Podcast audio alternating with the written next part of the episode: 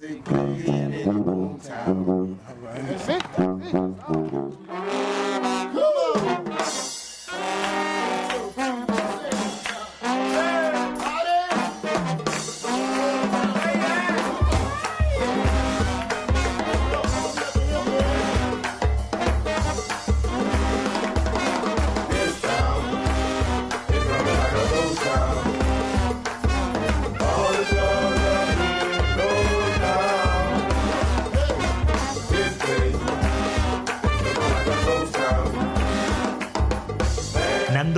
presenta 10.000 fogueres.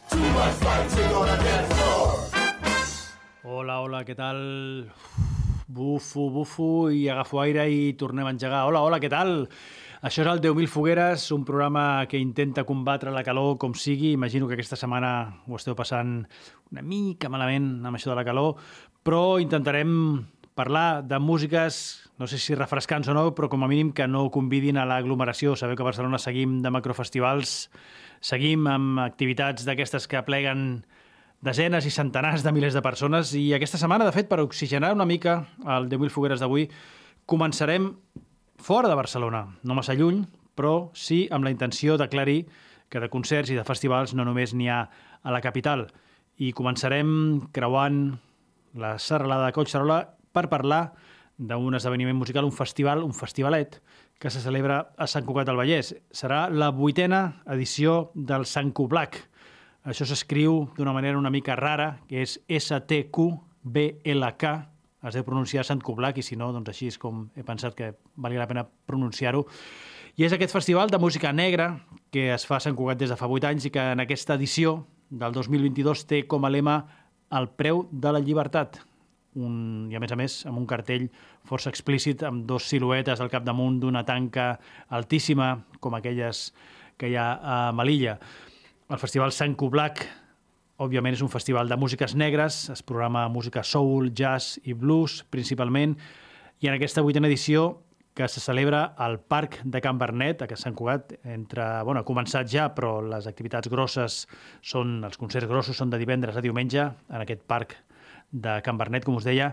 Hi haurà actuacions dels Flamingo Tours, una actuació itinerant de l'Always Drinking Marching Band, també concerts dels Scrownies, de la Susana Heyman, Sheyman, del Shake, d'Almost Black Joe, tot això al Parc Central de, de Can Bernet, però el Sant Cublac és un festival que també programa activitats escampades per altres espais del municipi, com és el cas del Cafè Belgrado, del Bocamoll, el bar que hi ha al casal Torreblanca, amb aquesta intenció doncs, també de reconèixer espais que estan contribuint a la vida musical de la ciutat al llarg de la temporada. El cap de cartell, en aquesta... Bueno, el cap de cartell no sé si li diuen, però en qualsevol cas el, el nom que arriba de més lluny i, i potser el que tingui més renom, com a mínim a nivell internacional, és el soulman britànic d'origen ganià Miles Sanko. Per tant, estem parlant d'un festival de músiques negres on, com a mínim, el cap de cartell és un músic afroamericà. El Miles Sanko, com us deia, originari de, de Ghana, de l'Àfrica, però criat musicalment a, a, a Regne Unit i cada cop amb un repertori més, més relaxat, de pulsacions més, més baixes i més, doncs això, més, més relaxades i més suavetes. Començarem, per tant, el programa d'avui anunciant aquesta nova edició vuitena del Sant Cugat, del Sant Cugat Black Festival, eh, amb una mica de música soul, eh, signada pel Miles Sanko, i ho farem rescatant una cançó que va publicar en el seu primer disc, una d'aquelles que té encara força més ritme, del primer disc que es deia Born in Black and White, nascut en blanc i negre, i un títol que es diu High on You. Thank you.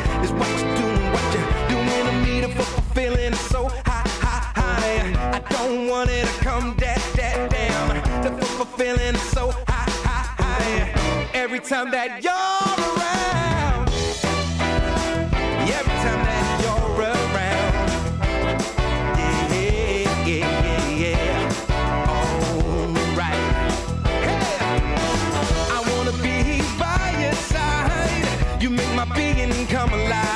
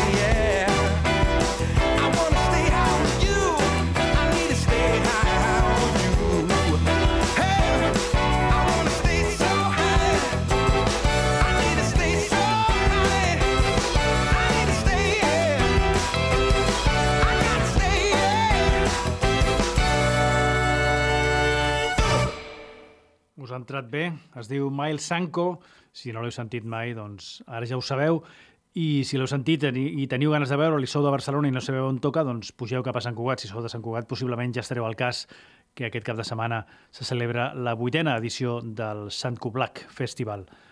En concret, l'actuació del Miles Sanko al Parc de Can Bernet, com la majoria d'actuacions del cap de setmana, eh, se celebrarà en divendres. Divendres a la nit podreu gaudir de la música d'aquest cantant ganià criat al Regne Unit. I parlem d'un altre d'aquests festivals eh, de format petit, que no, no volen ser massius i que estan concebuts com, una, bueno, com un espai de trobada més o menys abastable, és a dir, no com un macroesdeveniment d'aquests infinits i esgotadors on al final mm, acabes que no, no acabes trobant ningú.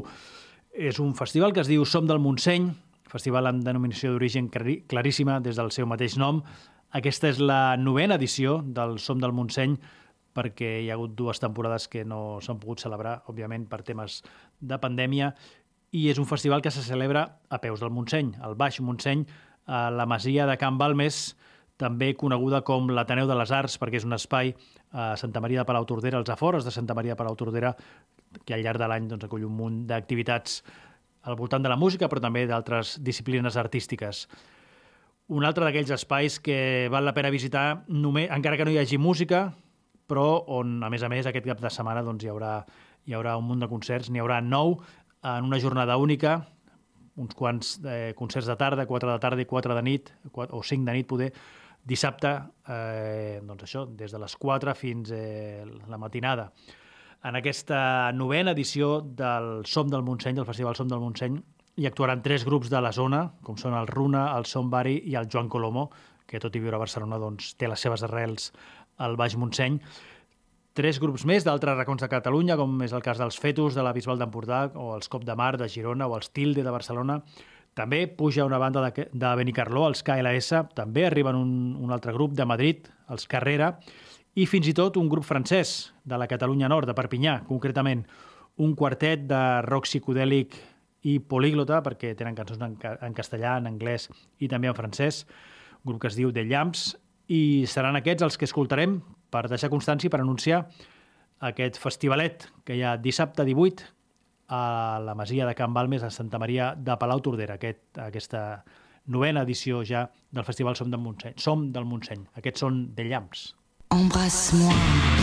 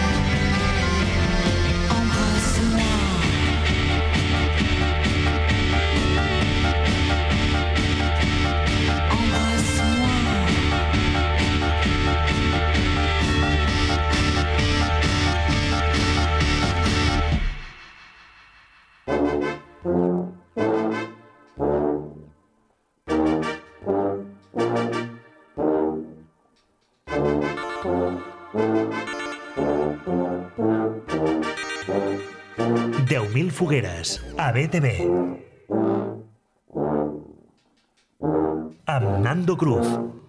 Hem començat el programa Sant Cugat, hem seguit a Santa Maria de Palau Tordera i ara anirem cap a Igualada per parlar d'un altre esdeveniment musical. No és ben bé un festival, és un concert amb taloner i prou, que també eh, se'n fan coses d'aquestes fora de, de la capital, lluny de Barcelona. En aquest cas, eh, parlarem d'un altre espai, d'aquests de resistència musical, impulsat per un grapat de gent d'Igualada. Estem parlant de La Bastida, un, un cràter al mig de, del barri del Rec d'Igualada que s'ha convertit en un oasi cultural des de fa ja unes quantes temporades, des de fa una dècada ben bé.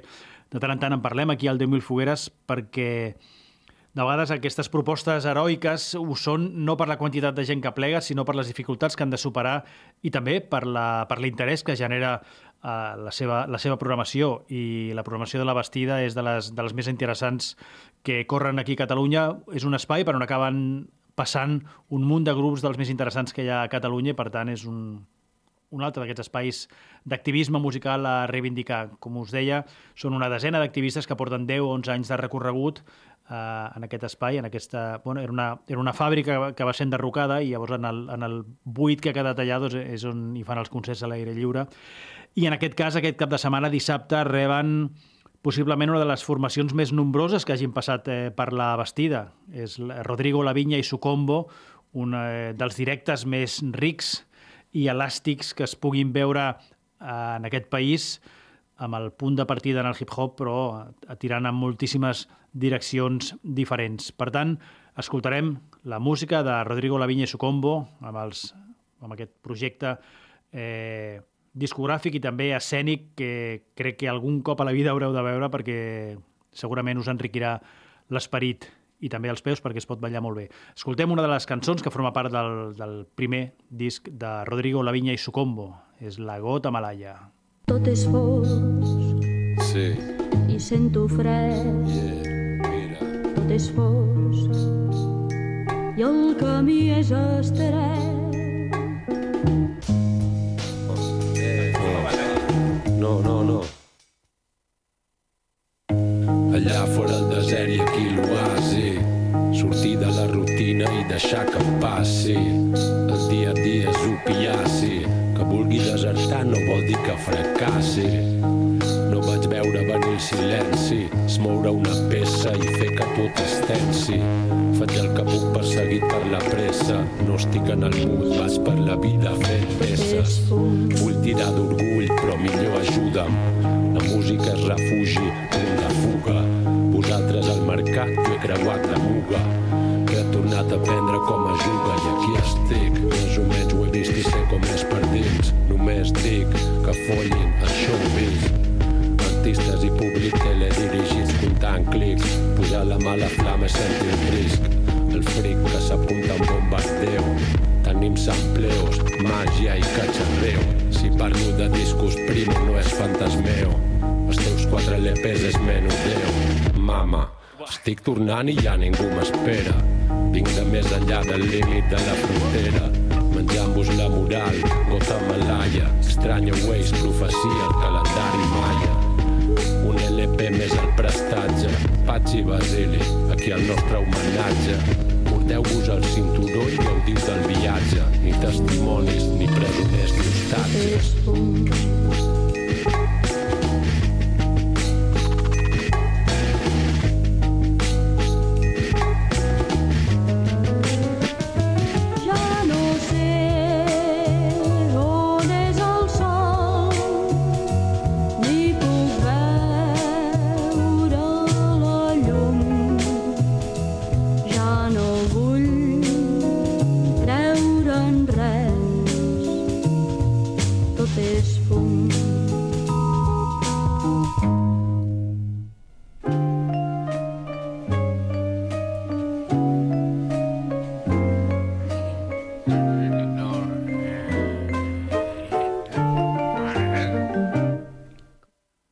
Canela fina, el Rodrigo Lavinya i Sucombo amb aquesta gota malaya que sonarà seguríssim a la Bastida aquest dissabte a Igualada, al carrer Creueta número 31 al vell mig del barri del Rec d'Igualada. Estem fent un programa molt de comarques per, i sense, però sense sortir de la província de Barcelona eh? i així tot hem trobat propostes musicals d'estils ben diversos lluny de models massificadors i d'aquelles que fan comunitat. Hem parlat d'esdeveniments a Sant Cugat, al Montseny, a Igualada. Podríem seguir parlant del Minibit a Granollers, del Badia Rock, que celebra la seva 23a edició a Badia del Vallès, però tornem a Barcelona per parlar d'altres esdeveniments que inclús aquí en aquesta, la capital, bé sigui el centre o l'extraradi, també estan doncs, generant eh, comunitat i propostes que queden fora del, dels camins més oficials o més comercials.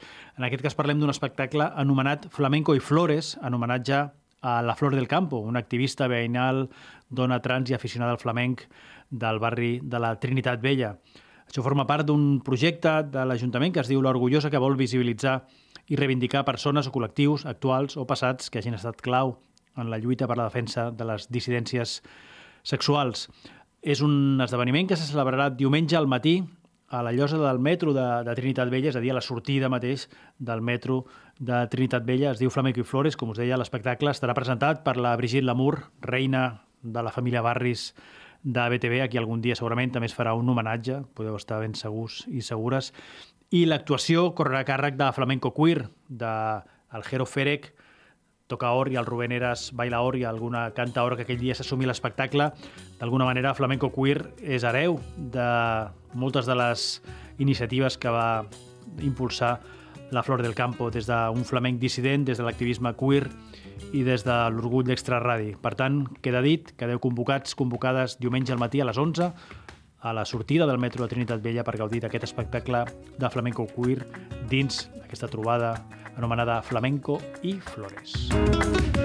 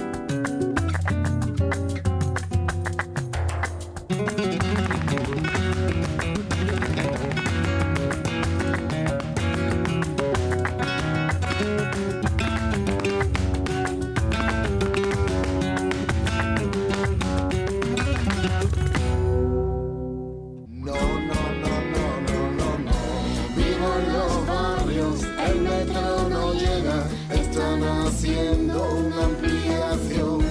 Vivo en los barrios, el metro no llega, están haciendo una ampliación. Dicen que se acababa para el 2002. 10.000 fogueres. Del Clot a la Guinagüeta i de Vallcarca a la Barceloneta. Aprofitem que el metro ja arriba des de fa uns quants anys a Trinitat Vella, l'agafem i anirem cap al barri de Gràcia, on, òbviament, també es fan cosetes musicalment, inclús en aquestes setmanes d'absolut col·lapse macrofestivaler.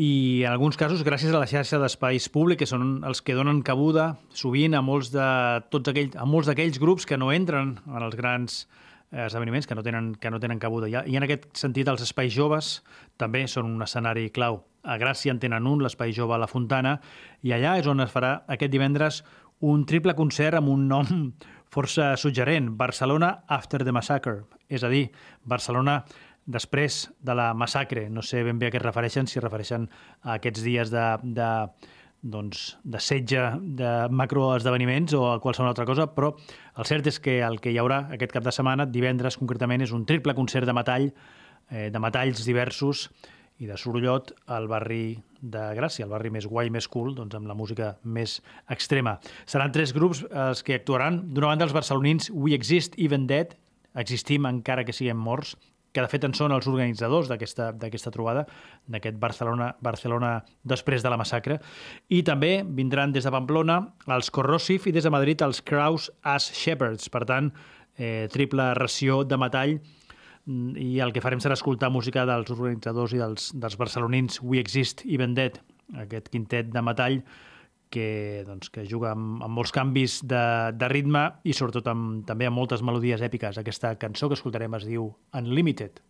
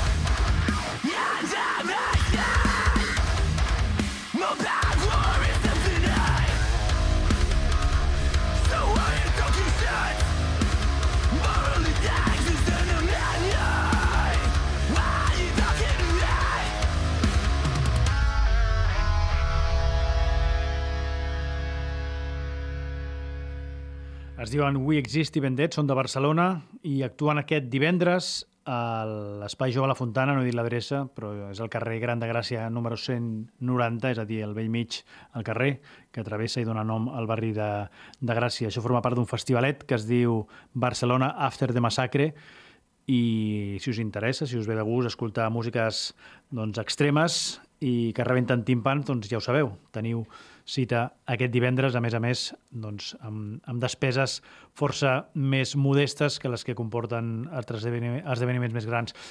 El, el Primavera ha marxat ja, ja s'ha acabat la, aquesta edició doble, però evidentment aquest cap de setmana hi ha, hi ha sonar, i això vol dir que hi ha desenes i desenes, centenars de DJs i artistes programats dins els recintes del festival, però també desenes i centenars d'artistes que estan actuant fora de la programació oficial. I això vol dir, per tant, que hi ha un munt de clubs i espais de tota mena a Barcelona i Rodalies, escampats pels racons més insospitats, on aquest cap de setmana sonarà música electrònica. És ben probable que a prop de casa vostra n'hi hagi algun, tot i que sembli que us salveu, diguem, de, de, de, de, de activitats doncs, musicals al voltant de l'electrònica, és, és probable que, que a prop del vostre barri hi hagi alguna activitat, més que res perquè el que passa quan arriba el sonar és que que el Barcelona es converteix en una mena, una mena de festa major de les músiques electròniques i, i per tant, més enllà del que programa el festival, doncs hi ha un munt de- d'esdeveniments al marge. En triarem un, només un, i ho farem per la seva ubicació, perquè és un, un espai insòlid, jo el desconeixia, és a la Verneda, és a dos carrers, de fet, ja de Sant Adrià del Besòs, no és la part del fòrum, òbviament, sinó que és una cervesera, la cervesera Almogàver. No una cerveseria, sinó una fàbrica de cervesa, és a dir, un recinte prou gran, amb espai per la producció de cervesa, un espai cobert, i llavors amb un pati, que és on es faran eh, doncs, aquestes activitats musicals, en concret un festival que es diu Alternative Open Air Club, que és, com us dic, un dels moltíssims que s'estaran celebrant aquest cap de setmana coincidint amb el Sonar. En aquest cas, la programació d'aquesta cervesera Almogàver, d'aquest Alternative Open Air Club, està ubicat al carrer Binèfar número 19, és a dir, el polígon industrial Montsolís, com us dic, al barri de la Verneda, doncs se centra en dissabte i diumenge i a més amb horari diurn, diguem, de 12 al migdia a 12 de la nit. Eh, es farà de nit, evidentment, però la programació és eh, doncs, amb horari d'això de 12 a 12, però a mitjanit la cosa acaba. I anuncio tot això també perquè no és poca cosa el que s'hi estarà programant. Eh? Hi, ha, hi haurà DJs com el Jonas Cobb, com l'Àngel Molina, Samuel Kerridge i la que esteu escoltant, la Mari Yuzovskaya, una DJ russa que és una altra de les protagonistes importants d'aquest Alternative Open Air Club, és a dir, d'aquest altre espai musical al marge de, del Festival Sonar que aquest cap de setmana acollirà un munt, no sé si un 10 o 15 dijòquis entre dissabte i diumenge. Deixem escoltant una estoneta la Mari Yuzovskaya. A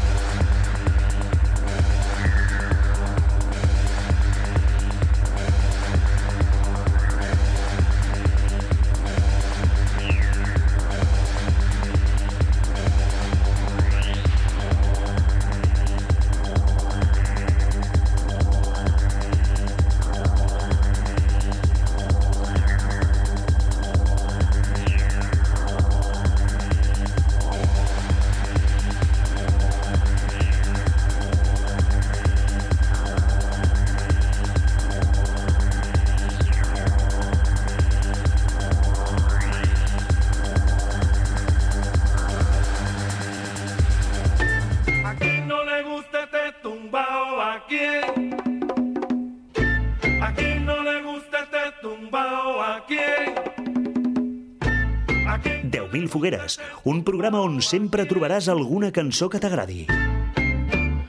Hem arribat a la meitat, a l'equador del programa, i hem parlat de festivalets i esdeveniments musicals de tota mena i a tot arreu, de soul, de rock, de hardcore, de hip-hop, de flamenc, de metall, de techno...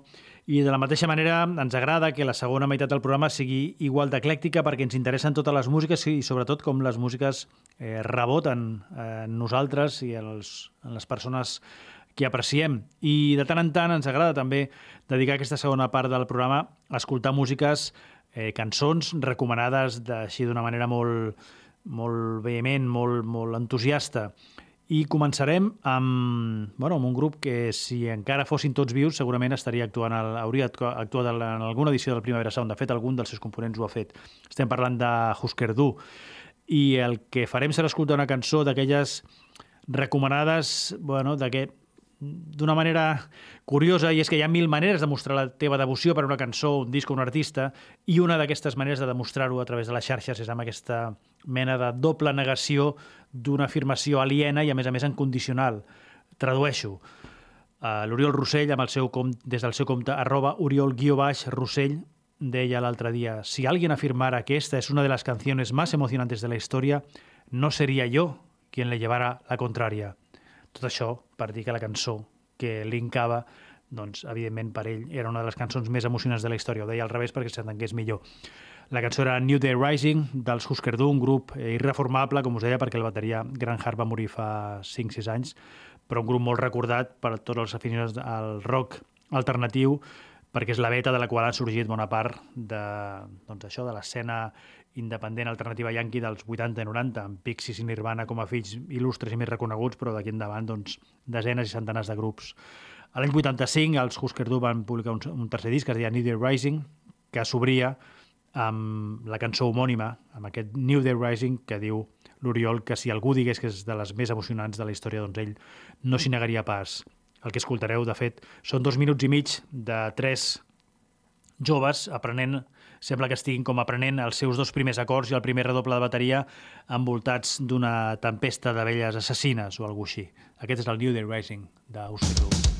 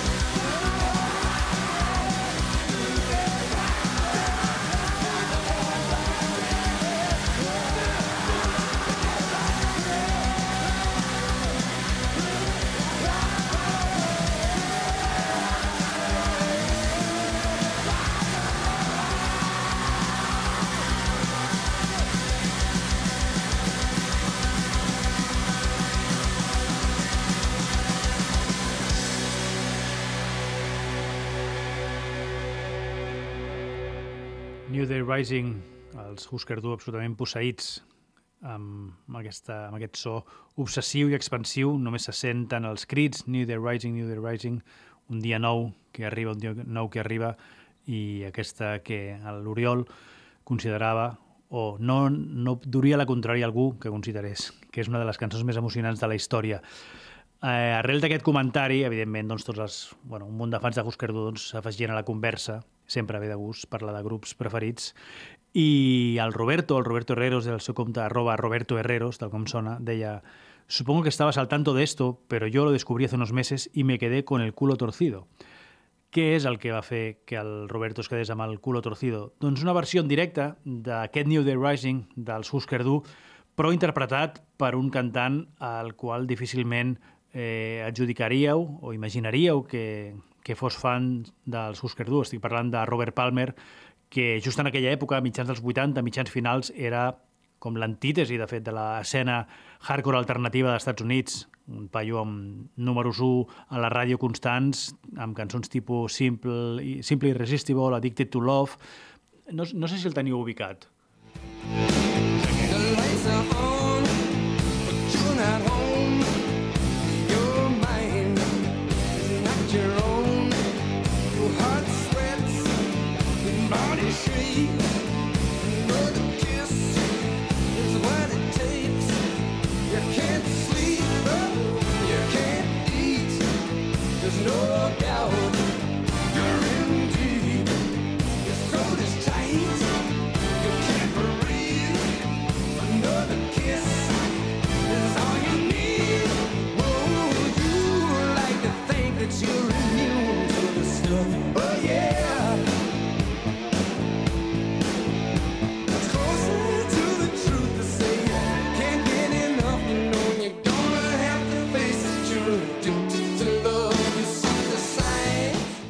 situats. Doncs aquest era el Robert Palmer eh, i es veu que un bon dia de la primavera del 87, que tenia un concert a San Diego, a l'amfiteatre de la Universitat de San Diego, va decidir que ell i la seva banda farien una versió en directe del New Day Rising de Husker Du. Algú la van registrar i així és com dècades després doncs, ha arribat al, a la nostra, al nostre coneixement. De fet, algun altre tuitaire deia que era que escoltar això, no, em sembla que era algú que ho comentava per YouTube, que és on de fet podeu trobar la cançó, que sentir Robert Palmer fent una versió d'Oscar Du era com escoltar Frank Sinatra versionant els Dead Kennedy. En fi, feu-vos la vostra opinió perquè aquest és el New Day Rising de Robert Palmer.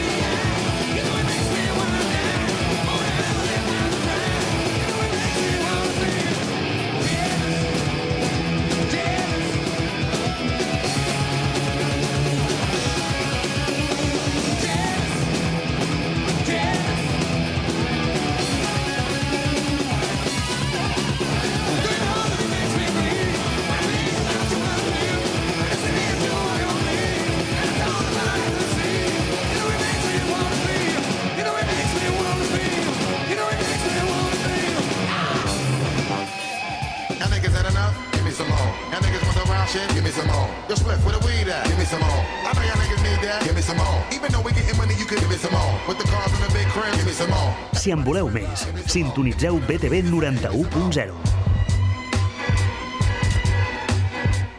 I el que parlem de versions, l'altre dia estava a la festa major del, del meu barri durant la prova de so d'una de les actuacions vaig sentir una cançó que em sonava però que no acabava d'ubicar. Eh, estava pr- provant so un grup de reggae i evidentment doncs, el que hi va sonar entre la, abans de la prova de so eren temes de reggae, però aquest no, no el situava i ni tan sols la Shazam em va donar la informació adequada. La clau estava en la veu, i la veu sí que la coneixia, era la- era l'Adele, però fent un tema de reggae i no, no ho vaig situar. Fin... Després, buscant, buscant, m'ha costat una mica, tampoc massa, i he trobat qui és l'intèrpret o el remesclador, de fet, d'aquesta cançó, que era el Set Fire to the Rain, una de les més populars de l'Adele, però en un remix a la italiana.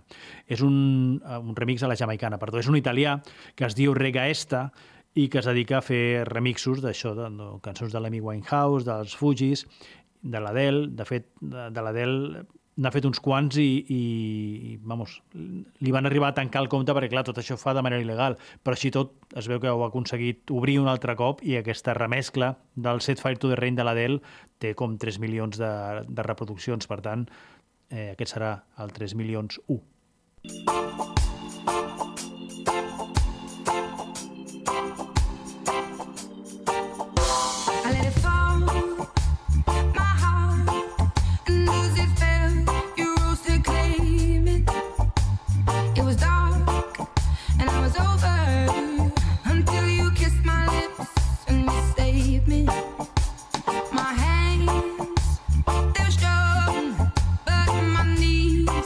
To me.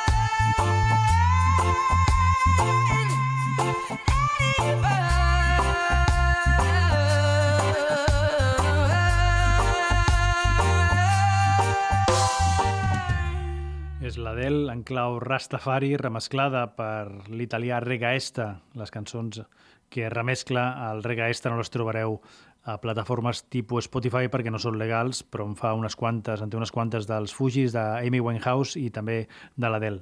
L'haureu de buscar al YouTube. I seguim escoltant cançons d'aquestes recomanades amb gran entusiasme i efusivitat, perquè l'altre dia el Roger, el Màximum Clatallot, fa servir el compte arroba Màxim Clatallot, eh, llançava un tuit on deia crec que aquest tema ral, tema ral en majúscules, evidentment, crec que aquest tema ral posa punt i final al debat sobre si els artistes poden ajudar la, la revolució en alguna cosa o no. La resposta és sí. sí, en majúscula. De veritat, heu d'escoltar-ho. Crec que ni en Muguruza ha arribat mai tan lluny. Es refereix al Fermín Muguruza i, evidentment, tot aquest, tota aquesta parfadeta tuitaire anava enllaçada amb una cançó, una cançó que es diu Obrero, acepta mi mano, interpretada per un grup que jo desconeixia absolutament, que es diu Los Guaraguao, un grup veneçolà de cançó popular molt polititzada, un grup dels anys 70, que de fet es va desfer als 80, però amb l'ascens de partits polítics d'esquerra al poder a diversos països de Centroamèrica, de fet, eh, va impulsar la seva reunió i es veu que eh, en els anys 2000, entre el 2000 i el 2010, encara han fet uns quants concerts, Los Guaraguao. Uh, escoltem aquesta cançó de Los Guaraguao, aquest uh, Obrero acepta mi mano, on es parla, eh, bueno, és una invitació, una cançó molt bonica i és una invitació, de fet, a la lluita comuna, a fer, ells mateixos es defineixen com uns obreros de l'arte, luchando con les guitarres i aportant idees de, de comunió política amb la seva veu. Aquests, aquest és el Obrero acepta mi mano de los Guaraguao. Obrero, acepta mi mano,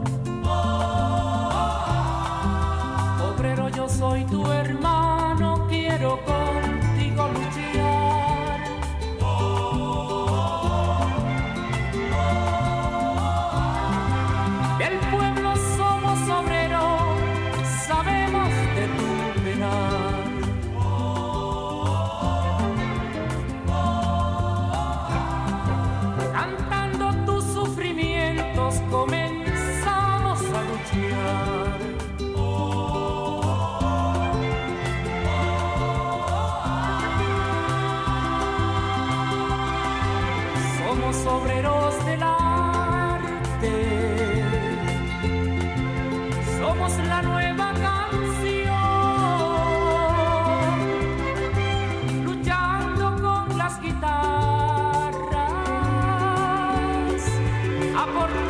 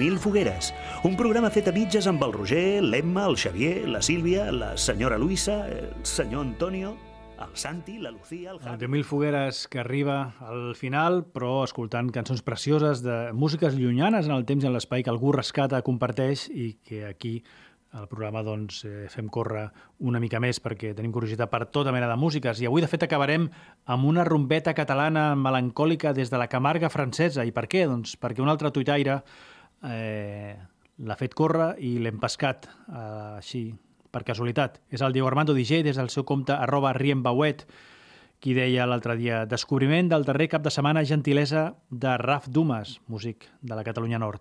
Diu, no només els, els gitanos de Perpinyà parlen i canten en català, també ho fan altres comunitats gitanes repartides per la resta de l'estat francès. Des de la Camarga, amb molt d'amor. I el que linkava en aquest cas era una cançó de Los Rumberos, una agrupació musical dels anys 80 de, de la Camarga francesa que tenia un repertori amb títols en castellà, en català i en francès. Molts d'ells són instrumentals, però quan es posaven a cantar ho feien en castellà o en català. I el que farem serà escoltar una d'aquestes rumbetes catalanes i melancòliques, com us deia, de Los Rumberos, aquesta que es titula A mi mujer i amb la qual ens acomiadem fins la propera setmana. Adéu-siau! Avevo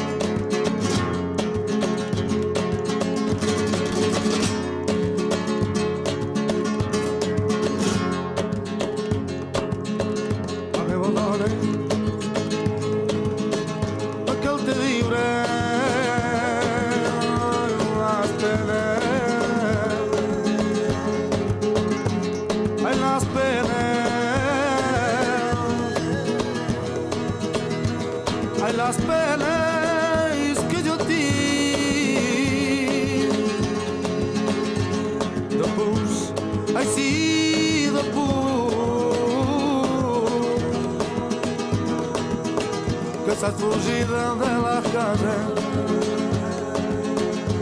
Las criaturas, las criaturas. Las criaturas para copular La lora, la lora,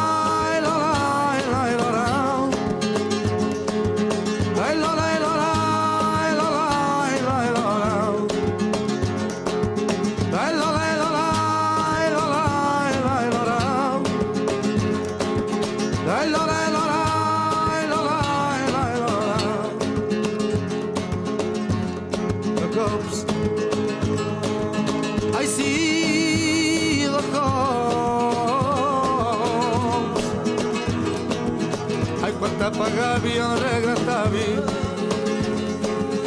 e tu el sabies.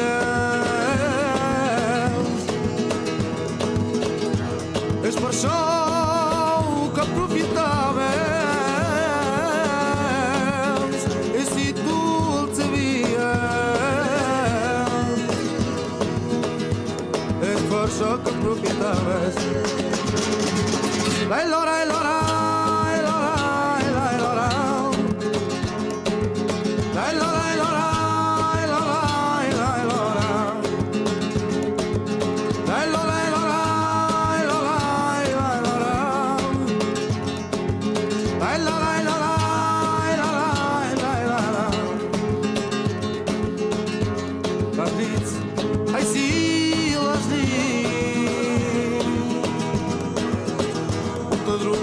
Dormies no vull dir gust en la teva imatge, en la teva imatge